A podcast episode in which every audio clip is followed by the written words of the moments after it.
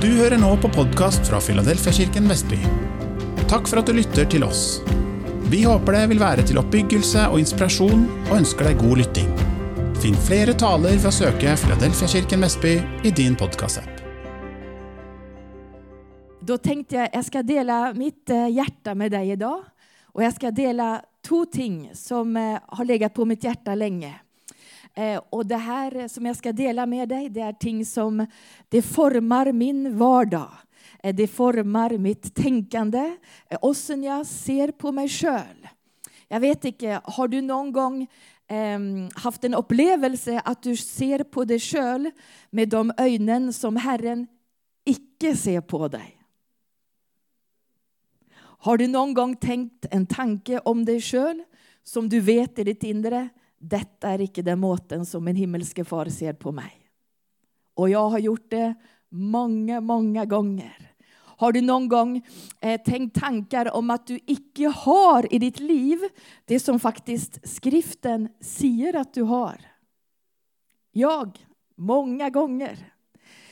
Så troende såväl som alla människor eh, har en, en, eh, Eh, en, en utfordring att tänka riktiga tankar. Att tänka rätta tankar. Och vad är rätta tankar för oss? Det är tankar som vi finner i Guds ord. Det är Guds tankar om oss.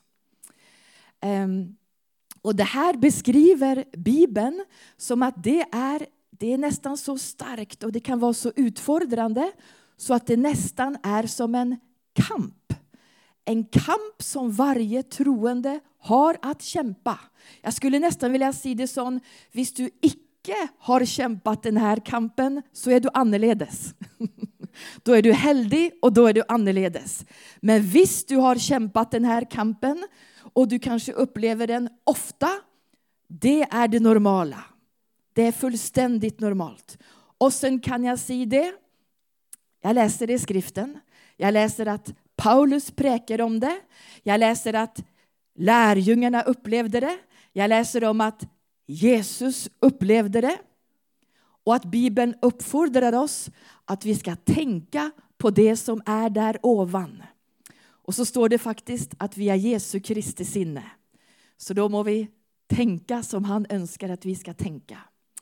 Och du säger så här, men hur viktigt är det egentligen att tänka rätt?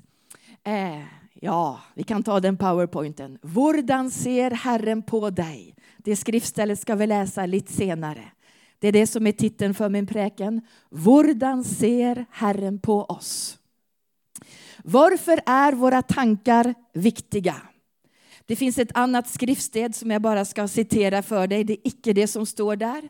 Det står i Ordspråksboken kapitel 23. Så står det att som en mänske tänker i sitt hjärta, slik är hon. Så med andra ord, Bibeln anerkänner att våra tankar, det är vår, vår stad. Det är vår inre stad. Våra tankar, det är vårt liv. Även om det inte är sant. Så det formar oss som vi ser på oss själva, och som vi ser på Gud, och som vi ser på vårt böneliv, och som vi ser på varandra, vårt Gudsliv. Det formas av de tankarna som vi har. Och ehm, Eh, det finns en berättelse, du kanske har hört den. Eh, det här var en man, han hade för vana att sitta vid stadsporten. Och när han satt vid ingången till byn så tog han emot människor som skulle gå in i byn. Och då hade han eh, för vana att svara på deras spörsmål. Och det kom en, en, en grupp människor som skulle in i byn. Och, och han ställde dem spörsmålet den här gången. Ja, vad förväntar er när ni kommer in i byn? Och då sa de, ja men så bra, vi skulle akkurat spöra, ossen är människorna som bor i den byn. Och mannen han tänkte länge, men så sa han, jag ska svara på spörsmålet, men låt mig först ställa deras spörsmålet. Hurdan var de människorna i byn som dere kom ifrån? Åh, sa de, människorna i byn som vi kom ifrån, nej, de, de var icke snälla, snälla. De var slemma. De var oberäkneliga. De gick icke att stola på. Och vi följde hela tiden att vi var väldigt annorledes och att de icke gick att stola på. Och ja, akkurat sa den här mannen. Akkurat. Ja, nej, men då kan jag fortälla för er att människorna i den här byn, de är akkurat likadana. Och ja, sa de. Nej, men då går vi icke här. Och så gick de sin väg. Men så kom det en ny grupp människor. Och de kom fram till mannen och så ställde de samma spörsmål till, henne, till honom. Eh, vi bara lurar på, vi funderar på att gå in i byn här. Men ossen är människorna i den här byn. Det ska jag svara på, sa han. Låt mig först bara ställa er ett spörsmål. Ossen var människorna i byn som dere kom ifrån. Oh, det vill vi så gärna förtälla för dig, sa de. Det var fantastiska människor. Och de var så goa, så flotta. Vi kunde stola på dem. Åh, oh, de var så fina. Ah, sa den här mannen. Nej, men då kan jag förtälla för er. Människorna i den här byn här, de är akkurat likadana. Åh, oh, så flott, sa de. Och så gick de rätt in. Vad säger det för oss, till oss? Våra tankar, det formar vår verklighet. Tankarna formar verkligheten. Och det här, talar, det här talar skriften om. Så låt oss läsa tillsammans i Andra Korinthierbrevet kapitel 10. Jag vet inte om det är samma förkortningar på norska, men jag tror det. Kapitel 3 till 6. Jag sa det att visst du upplever av och till att du har en utfordring med att tänka tankar som du vet är riktiga. Om dig själv, om Herren, så är du väldigt gott sällskap. Och detta skriver Paulus om. Han skriver så här, det är en djup uppenbaring. Vi lever som människor. Med andra ord, det här gäller alla. Nej, det är inte en djup uppenbaring, jag flippar lite. Vi lever som människor, men, så säger han där ordet, vi kämpar icke som människor gör, men vi kämpar. Det är egentligen det han säger. Vi kämpar, men vi kämpar icke som människor gör. För våra vapen är icke från människor. Det är bra. Men de har sin kraft ifrån Gud att lägga fästningar i grus. Vi river ned. Detta är till troende. Han skriver, vi river ner tankebyggningar och allt stort och stolt som reser sig mot kunskapen om Gud. Och vi tar vär tanke till fånge under lydigheten mot Kristus. Detta beskriver Paulus. Detta är ett normalt kristenliv. Detta är den vanliga troendes kamp. Den är usynlig. Eh, det är en usynlig fiende. Därför brukar vi usynliga vapen. Och så står det, vad handlar det om? Det handlar om att ta envar tanke till fånge. Låt mig spöra, hur lätt är det för mig att ta tanken till fånga i Jon Daniels hode? Det är fullständigt omöjligt. Han är herre över sitt hode och jag över mitt hode. Detta gäller oss. Paulus säger det. Vi ska ta var tanke till fånga och så ska vi lägga den under Jesu Kristi lydnad. Det har jag hört om Martin Luther. Han sa det, vi kan inte, och det var en bild på, på tankar, vi kan inte hindra fulorna från att flyga över vårt huvud. Det gör de hela tiden, vi kan inte göra någonting med det.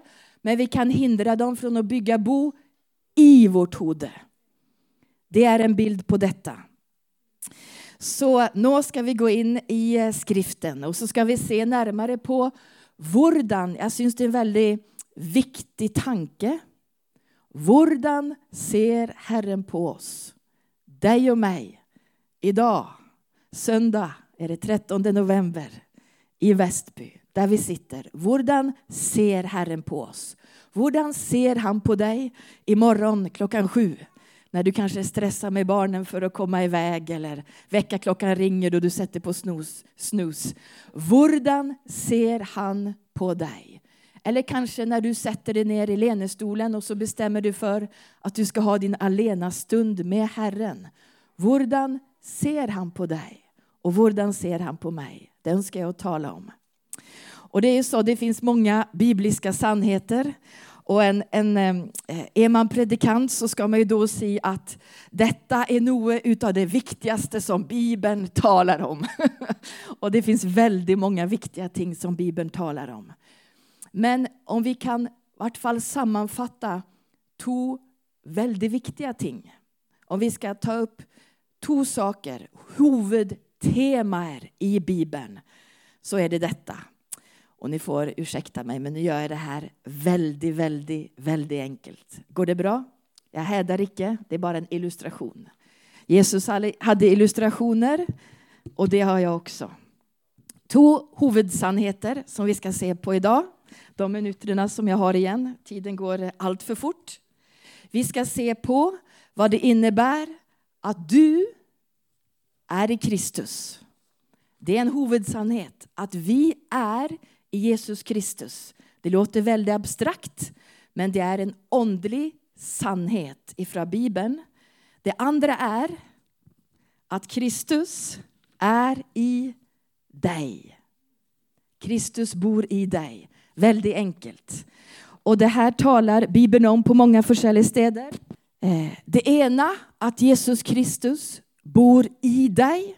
Guds ond bor i dig. Det talar på en måte om eh, det talar om din himmelske fars närhet i dig, men det talar också om en funktion ut ur ditt liv. Vad du kan, vad du kan göra för att du har Guds ond som bor i dig. Men den andra sidan då, att du är Jesus Kristus. Så säger du, men så rart, jag är i Philadelphia. jag är i Philadelphia Västby. Ja, och Visst du har tagit emot Jesus Kristus så beskriver Bibeln det som en andlig sannhet, åndelig sannhet, att du är i Jesus Kristus. Detta var ett av de mysterier som Paulus fick uppenbart för sig. Han talade om det över 90 gånger. Och han fick en satans ängel som plagade honom för den uppenbaringen. Då är det viktigt att vi också har den. Eh, så det ska vi se på. Ehm, ja, det första som jag önskar att säga någonting om, det är, ehm, det är detta. Jag vet inte om du husker före du var frälst. Hur mycket skyldfølelse hade du för att du icke var Gud till lagstå? Ikke så väldigt mycket. Hur mycket, eh, mycket tänkte du på Åh, jag känner att det är så stort avstånd mellan mig och Herren? Icke det helt tatt.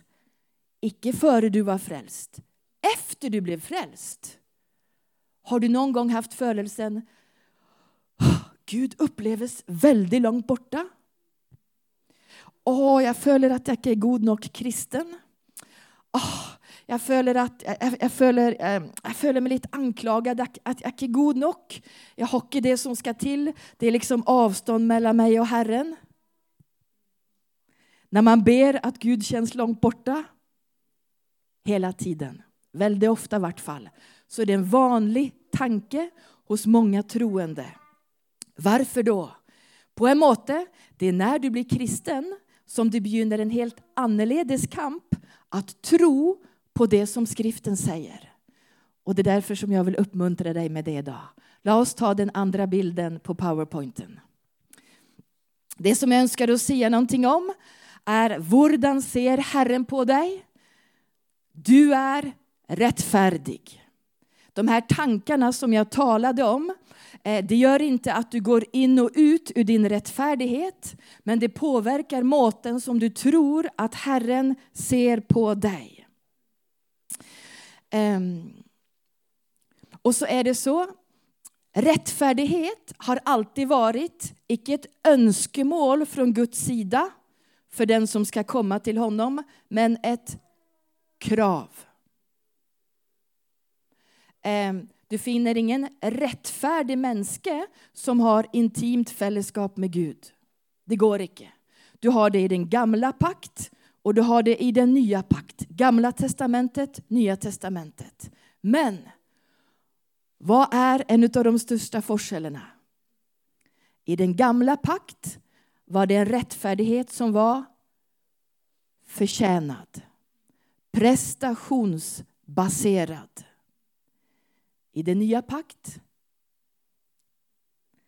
Vordan kommer rättfärdighet till en mänske. Låt oss läsa. Men nå är Guds rättfärdighet, Romarbrevet 3.21 som loven och profeterna vittnar om, blivit uppenbart, oavhängig av loven. Detta är, vad står det? Guds rättfärdighet som ges vid troen. Som ges vid troen på Jesus Kristus till alla som tror. Så säger du, så flott. Ja, det var det jag kände på mig. Att när jag blev kristen så, så kom Herren och så liksom, eh, ah, så putsade han lite på mig. Och så är jag kanske lite bättre, lite renare, lite, lite mer hellig än någon andra, men icke så väldigt. För jag, jag fick liksom icke bort alla fläckar. Och där och där. Är det det som det betyder? Att vi har fått motta, blivit iklädda Jesu Kristi rättfärdighet? Vad står det? Vid ett eneste offergave har han för alltid gjort dem, alla oss som är här, som helges fullkomne. Wow, säger du. Nej men, ja, jag är fullkommen. Jag är fullkommen i det hela tatt. Och du kan rabbla upp allt du har gjort veckan bakåt, åren bakåt, tio år bakåt, som du har gjort som icke är fullkomment. Här talas inte om hur du eh, vandrar, vad du gör, vad du icke gör. Här talas det om rättfärdighetsgaven från Jesus Kristus som blev iklädd dig den sekunden som du tog emot frälse. Och den rättfärdigheten, det är det som kvalificerar dig. Det är, det som rust, det är din identitet. Det är det som Bibeln menar när den säger att vi är i Jesus Kristus. I den sekunden som du sa ja, jag vill bli frälst, förstå mig rätt, åndligt sett, så hoppar du in i Jesus på korset, du dog och du uppstod. Du har blivit iklädd hans rättfärdighet. Och det här är fantastiskt. Eh, det finns en, eh, eh, en bild i Bibeln som talar om det här. Och det talar om det på en väldigt rörande måte. Ehm, vet du David? Före han var kung, David, hyrdepojken, honom känner du. Och så känner du till Jonatan, Sauls son. Icke sant? Du har hört om dem. Det står i Andra Samuelsboken att Jonatan, han älskade David så mycket.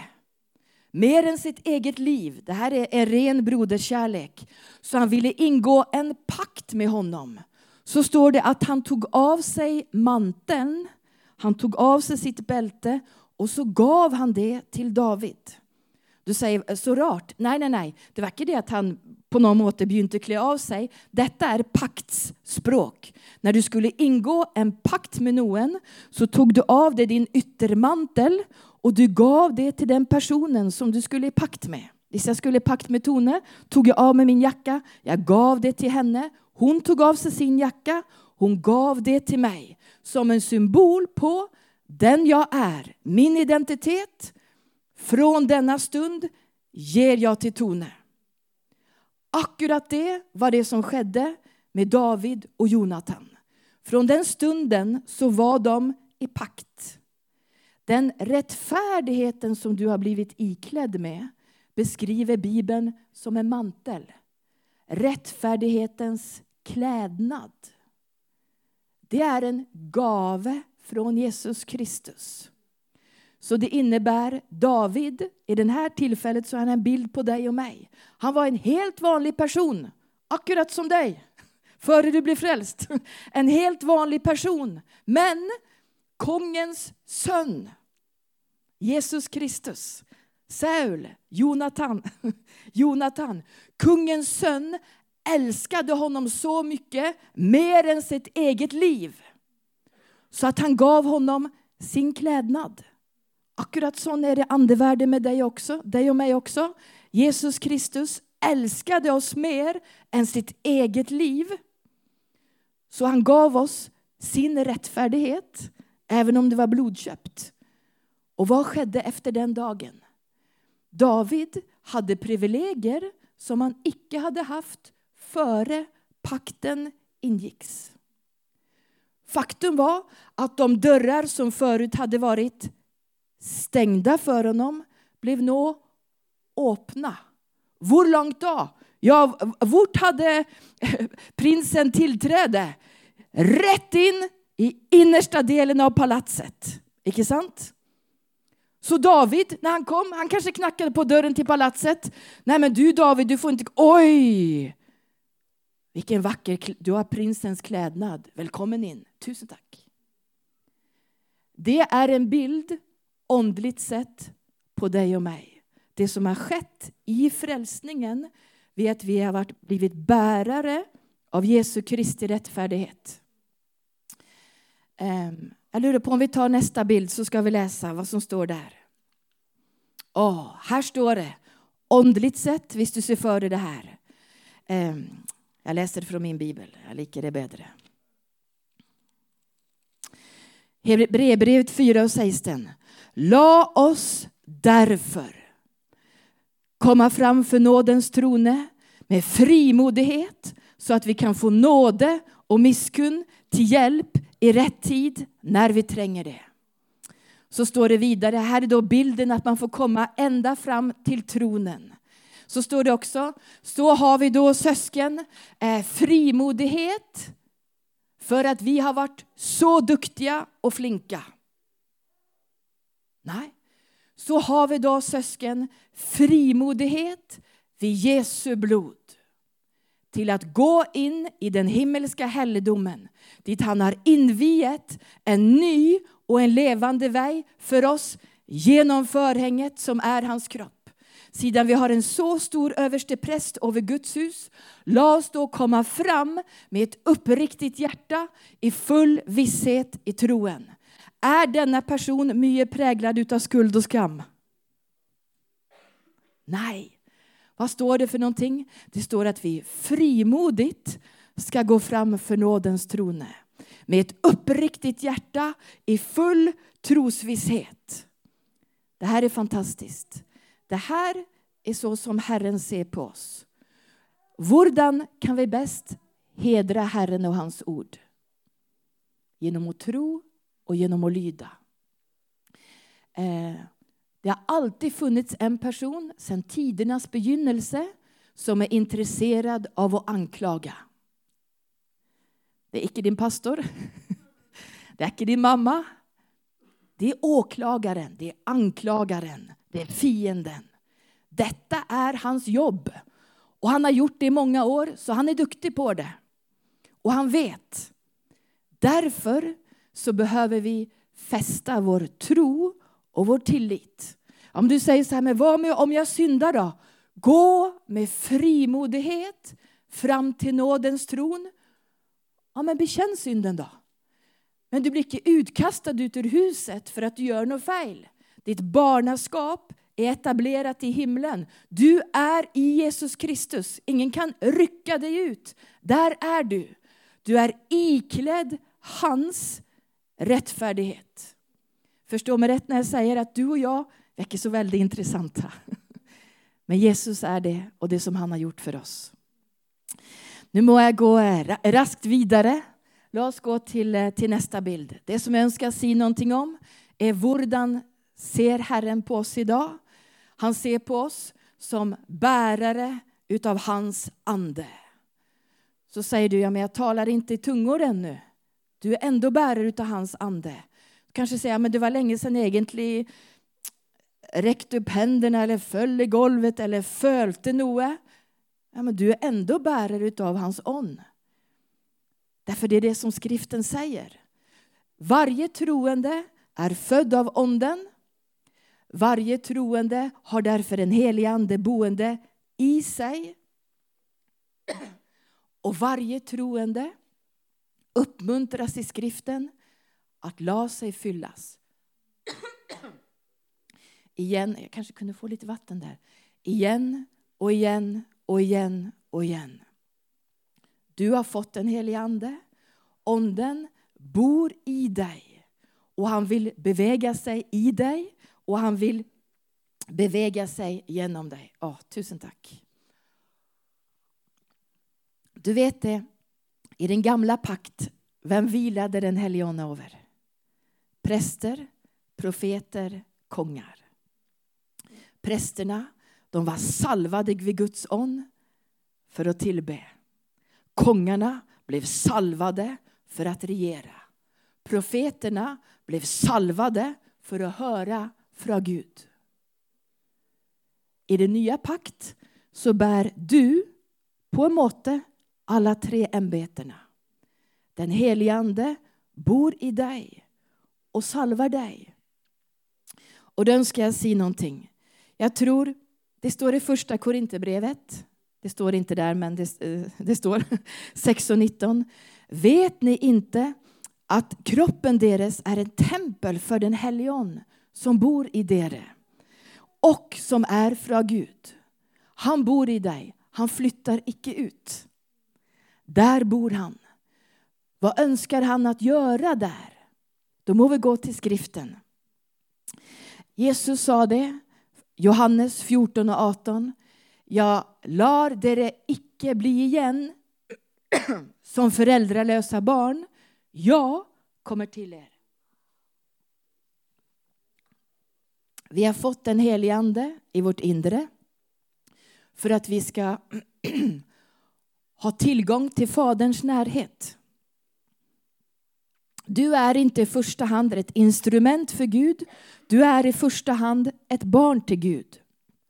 Vad är det viktigaste för en förälder? Det är att barnet ska känna Faderns närhet. Det är Faderns on som bor i dig. Och ved den helige ursäkta, ved den helige så har du tillgång till Faderns närhet. Eh, och du säger, ja, men hur får jag uppleva det? Eh, börja hänvända dig till honom. Börja tala med honom. Det som vi läste i Hebreerbrevet, vad stod det där? Låt oss vänta tills nådens tron faller oss i hode. Nej, det står, la oss med frimodighet gå fram till nådens tron. Låt oss därför träda fram. Vad är det för någonting? Du har ett initiativ och det är väldigt bra. För då behöver du inte vänta. Du har ett initiativ, du har ett bemyndigande. Och sen sker det här, det sker i bön. Och då får du väl ta, jag talar till mina tankar också när jag ber. Far, nu kommer jag inför dig. Jag tackar dig att du hör mig och att du tar emot mig som ditt barn. Det är en böneväg att gå inför Fadern. Så Faderns närhet. Vad står det i Fesebrevet 2.18? Genom ham har vi båda, eh, har både vi och dere avgång till Fadern ved den helion, i en on. I onden, i den osynliga världen, så har vi tillgång till Fadern, såklart. Och sen ska han annars kunna kalla sig för far om vi inte får komma till honom. Självföljd. Därför har du fått Guds ånd. Vad önskar Onden mer göra i våra liv? Beklagar för mig. Det finns ett viktigt skriftställe som Jesus eh, som vi kan läsa om i Jesu liv. Det här var ett väldigt speciellt tillfälle. Det var ett tillfälle när hans bröder hade hånat honom egentligen. Eh, flera av fariseerna var ute efter att döda honom. Eh, flera av hans lärjungar hade lämnat honom. Och bröderna sa, ja, men gå till högtiden och visa dig själv för alla. Jesus sa, bara gå där före.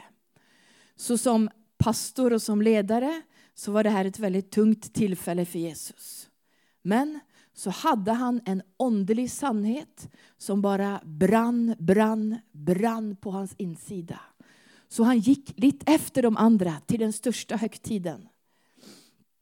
Och den högtiden som, eh, som jag ska tala om, det är egentligen akkurat samma dag, men flera hundra år tidigare, Det var på samma dag som profeten Haggai sa det kommande templets härlighet ska bli större än det första. Vad talar han om? Jag tror han talar om menigheten. Han talar om den troende. För vad var det Jesus talade om på akkurat samma dag? Han ställde sig, egentligen med dödshot hängande över hans hode, vid sidan av vägen. Och vet du vad de andra ropade? De citerade från Jesaja. Kom och låt oss ösa vatten ur frälsningens källor. Och vad är det han ropar? Du kan ta nästa bild. I Johannes 7.37 på den sista dagen i höjtiden, den stora festdagen, så stod Jesus fram och han ropade Den som törstar, la han komma till mig och dricka. Den som tror på mig. Detta är kriteriet. Den som tror på mig. Från hans inre eh, ska det, ska det. Det är ett löfte. Som skriften säger, bara för att etablera det ännu mer. Ränna små dråpar. Nej, ränna älvar av levande vann. Och vad var detta? Det var onden. Det var onden. Onden i dig och mig. Det är ett djupt vann. Det är älvar. Det är, hur ska jag säga, det är Guds vann på vår insida för var och en som tror. Det är en kilde. Den helige Ande han är en person, men det är också en kilde. Och förstå mig rätt då, livet på jorden, Jesus, han är på Faderns högra sida. Ja, det säger väl något om vad är Fadern då? Ja, han är väl också där då, på Jesu vänstra sida. Men så sa han, jag ska inte lämna er faderlösa, jag kommer till dere, V den helige så då är den helige på vår insida. Han är vår vän. Han är Faderns närhet. Han är en del av gudomen. Men skriften säger också att han är som en älv av rännande vann. Den älven, det är Gud i ditt liv. Den önskar, Herren önskar att du ska få uppleva att det rör sig att genom det vannet så har du fällskap med honom. Genom det vannet så kan du faktiskt själv dricka. Säg, och sen då? Tro på honom och tala med honom. Helion, jag tackar dig att du är nära. Tackar dig att du bor i vår inre. Tackar dig att vi kan lära känna dig, vi kan hänvända oss till dig. Vi tror att det är sant som skriften säger. Att, eh, att vi har fått det levande vattnet att dricka. Och det är du Helion. Och det kommer strömmar av levande vatten ifrån dig i vårt inre. Börja prata med honom. Börja hänvända dig till honom. Och vet du vad? Det vannet, den Helions vann, det är till för dig. Du säger, va? Men är jag bara ett instrument? Kom han icke bara över mig för att beröra alla andra? Han kom för att du skulle få uppleva Faderns närhet. Så vannet, bönevannet, ondens vann, är till för att förfriska dig. Men så är det också till för att förfriska andra. Och sen då? Den helige Ande bor på vår insida. Oj, har du haft en kämpetuff dag? Uffa mig. Och så är något, dina barn är psyka. Nej, nu har det sannerligen upplevt mycket. Vet du vad? Åh, kan inte jag bara få be för dig? Nu bara hittar jag på. Förstår mig det? Kan inte jag bara få be för dig? Åh, far. Och så börjar jag be. Utifrån att jag vet att en helgon är ström. Och så kan jag börja, jag kan i tro be ut det som jag vet att den helige Ande är. Han är tröstaren, han är hjälparen, icke sant? Så då kan jag be över Jon Daniel. Far, jag tackar dig för förfriskelse över Jon Daniel. Jag tackar dig för styrka till hela hans hushåll. Tack att du är med dem. Tack att du leder dem. Icke sant? Han är källan i dig. Han, han önskar att beröra andra människor. Du pratar med någon annan som säger, jag känner mig så ledsen. Jag, jag känner mig lite bunden. Jag har sån sorg. Åh, Ja, men då huskar du på vad som står i Lukas kapitel 4. När Jesus sa, den helion är över mig. Han har salvat mig till att förkunna starka saker. Frihet för de fångna, syn för de blinda, ta de betryckta ut i frihet. Nej men, eller hur? Så har du någon annan.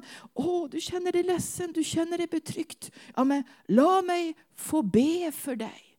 Och så lägger du handen på den personen och så tror du att den helige Ande vill virka detta genom dig. För den personen. På samma måte som han vilade, det är samma helion. Det är samma rättfärdighet, det är samma helion. Som han vilade över Jesus, så vilar han över dig. Icke sant? Du ska få kraft att bli mitt vittne. Detta önskar den helige Ande göra.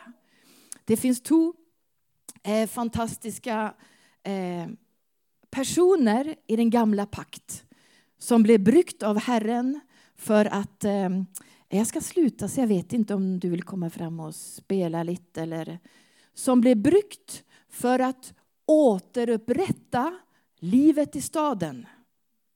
Livet. Esra och Nehemja. Eh, det var två gudsmän i den gamla pakt som blev brukta för att återupprätta ting som låg nere. Det är något som den helige Ande önskar att göra också. Vet du vad deras två namn betyder? Esra och Nehemja. Det är för bra för att vara sant. Tröstaren och hjälparen. Det är översättelsen av de hebraiska orden. Tröstaren och hjälparen. Jag vet inte, kanske vi kan se att det är något som den helige Ande är mest av allt. Oh, som jag har fått tröst av den helion. Som jag har fått hjälp av den helion. Vet du vad? Det är inte många dagar alltså, så jag behöver honom. Jag behöver honom. Han är den som är här. Han är den som är nära. Och så ser Herren på dig att du är bärare utav hans on. Eh, så det var det som jag önskade att eh, dela med dig idag. Ehm, och som låg på mitt hjärta. Sån ser jag på mig själv. Jag prövar att se bort från vad jag icke får till. Där jag brister som mamma, som kona, eh, som predikant. Där jag brister ehm, så prövar jag att tänka på, ja men jag är i vart fall rättfärdig.